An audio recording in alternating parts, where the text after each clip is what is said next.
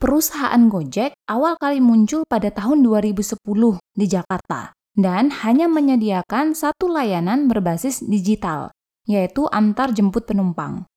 Kemudian berkembang menjadi layanan GoFood, layanan antar jemput makanan. Terus berkembang, jadi ada layanan GoPay, layanan pembayaran lewat digital.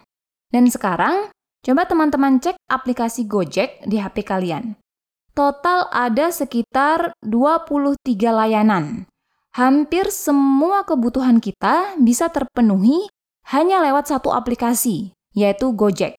Ada berbagai layanan seperti GoRide, GoCar, GoFood, GoPay, GoMart, GoMed, GoFitness, GoMall, GoTix, layanan pembelian tiket bioskop, kemudian ada GoPlay, GoNews, kita bisa lihat berita lewat Gojek, kemudian ada Go Games, Go Pulsa, sampai ada Go Tagihan yang bisa buat bayar tagihan apa saja, mulai dari BPJS, IndiHome, PLN, PDAM, pajak motor, bahkan buat sedekah ke rumah yatim pun bisa melalui Gojek.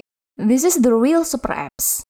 Bahkan Bosman pernah memprediksi dalam videonya kalau ke depan Gojek juga akan menjadi digital financial company Gojek akan menjadi bank digital. Mungkin gambarannya kita bisa pinjam uang dan menyimpan uang secara digital lewat Gojek. Menurut analisa kami, Gojek akan menjadi pesaing berat Bosman. Karena Gojek juga memiliki layanan Go Investasi Emas. Sama seperti Dinaran milik Bosman. Bisa jual emas, bisa beli emas, dan bisa tarik emas fisik bahkan bisa diantar sampai ke rumah. Tidak menutup kemungkinan ke depan Gojek juga menyediakan layanan urun dana atau equity crowdfunding, seperti Santara punyanya Bosman. Sekarang pertanyaannya, siapa yang mampu menyaingi Gojek?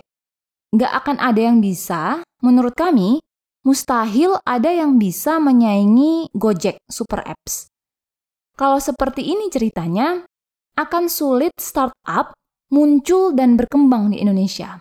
Buktinya, Jasa Hub sebuah startup yang menyediakan layanan housekeeping, mulai dari bersih-bersih rumah, membasmi serangga, servis elektronik, dan lain-lain, dengan berbasis digital.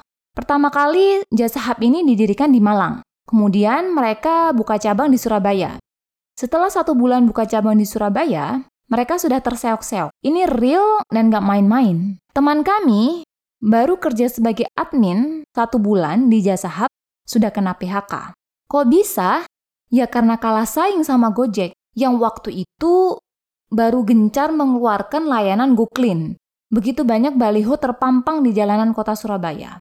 Kemudian ada startup OJC yang awalnya bisnis transportasi syariah khusus untuk muslimah dan anak-anak. Sekarang mereka harus rebranding menjadi Syari Hub, sebuah layanan guru ngaji private online.